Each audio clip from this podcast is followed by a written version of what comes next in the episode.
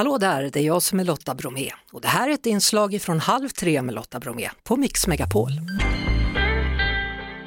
Nu, Niklas, vi går tillbaka några timmar. Så här lät det för en stund sedan.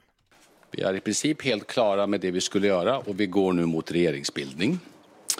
Vi har förhandlat regeringens sammansättning, vi har förhandlat samarbetsformer.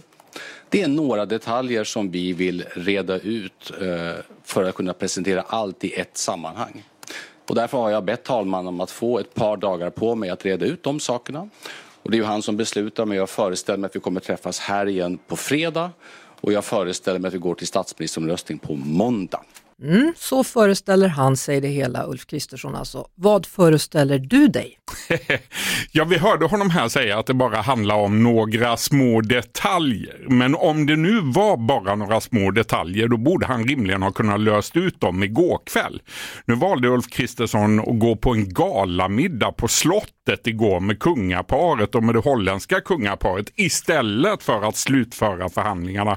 Jag tror att det är något svårare som återstår än bara små detaljer. Men vad är väl en regeringskris mot en bal på slottet? Ja, men lite så. Ja.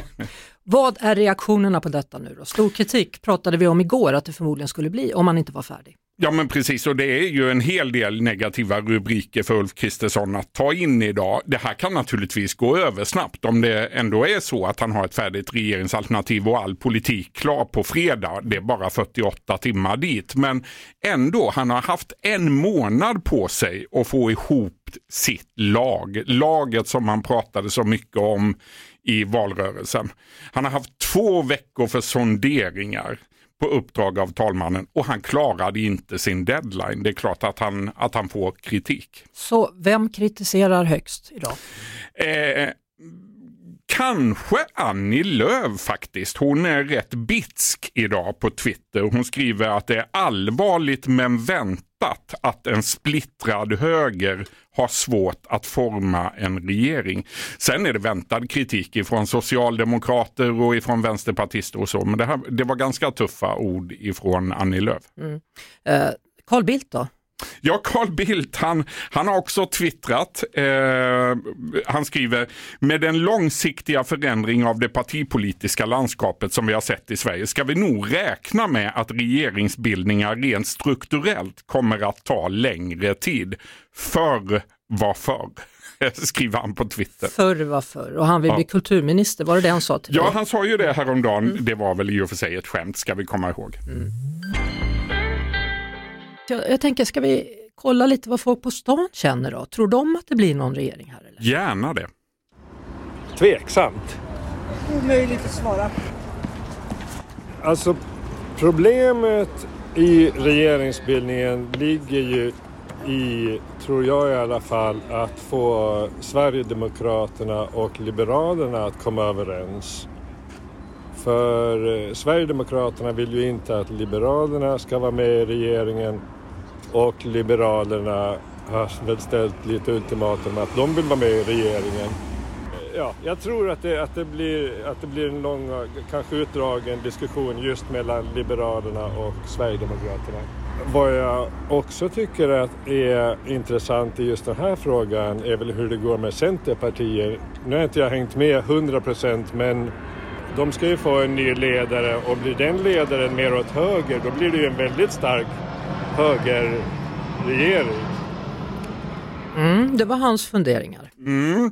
Ja, det var ju åtminstone delvis eh, en korrekt analys. Jag tror också att eh, det är Liberalerna och Sverigedemokraterna som utgör huvudverk för moderatledaren just nu. Men det är ju bara en liten detalj, eller? ja, jag tror som sagt eh, att det här är större än mm. bara någon detalj. Men å andra sidan inte större än att han faktiskt kommer att lösa det här mm. till på fredag. Eh, mannen vi hörde här nu då, han sa ju på slutet här också, vad han tycker är intressant det är att se hur det kommer gå för Centerpartiet. Mm. Och Annie Lööf var ju då en av de som hade eh, twittrat högst idag då, mm. efter de här beskeden. Tror att ja, både Ebba kanske och Ulf, tror att de längtar efter en ny centerledare? Hade det varit eh. enklare i så fall? För då hade det blivit, precis som man säger, en stor majoritet åt ena hållet. Verkligen. Skulle det, den situationen uppstå, att det kommer, att den sidan av Centerpartiet vinner den här infekterade striden när det ska väljas en ny partiledare, då tror jag att både Ebba Busch och Ulf Kristersson kommer att jubla. Men jag är inte alldeles säker på att det kommer att bli så. Det här kommer att vara en lång process och Centerpartiet kommer att sitta utanför under, under ganska lång tid framöver, under hela den här mandatperioden och det är ändå fyra år. Så de har ingen brådska att rätta in sig i ledet. Det var inte alla som ville svara på frågan, får vi en regering eller inte? Det är många som sa nej, det tror vi inte. Nej. Alltså, folk människor i Sverige är lite uppgivna vad gäller politik. Ja, det är lite nedslående att höra faktiskt. Eh, det är ju viktigt att vi får en regering på plats och vi kommer att få en regering på plats. Sen hur stark eller svag den är, det får vi återkomma till. Men, men att vi har en regering på plats och inte en övergångsregering under lång tid i dessa tider, det är oerhört viktigt och, och så kommer det också att bli. Mm. Eh, när vi pratades vid igår, då trodde du faktiskt att det skulle vara mm. klart idag. Det trodde jag. Då frågar jag dig igen då, tror du att det är klart på fredag? ja, jag upprepar mig där. Jag tror att eh, han behöver bara de här 48 timmarna, annars är det ju Ja, annars får man ju ställa sig frågan om man överhuvudtaget kommer att lyckas med den här regeringsbildningen eller om det är så att frågan går över till Magdalena Andersson. Idag lovade han ju att, eh, att vi går till statsministeromröstning på måndag. Så att eh, allt annat skulle vara en sensation i det här läget. Vi håller kontakten. Ja, det gör vi. Det var det. Vi hörs såklart igen på Mix Megapol varje eftermiddag vid halv tre. Ett poddtips från Podplay. I fallen jag aldrig glömmer djupdyker Hasse Aro i arbetet bakom några av Sveriges mest uppseendeväckande brottsutredningar går vi in med hemlig telefonavlyssning och, och då upplever vi att vi får en total förändring av hans beteende. Vad är det som händer nu? Vem är det som läcker? Och så säger han att jag är kriminell, jag har varit kriminell i hela mitt liv men att mörda ett barn, där går min gräns. Nya säsongen av Fallen jag aldrig glömmer på Podplay.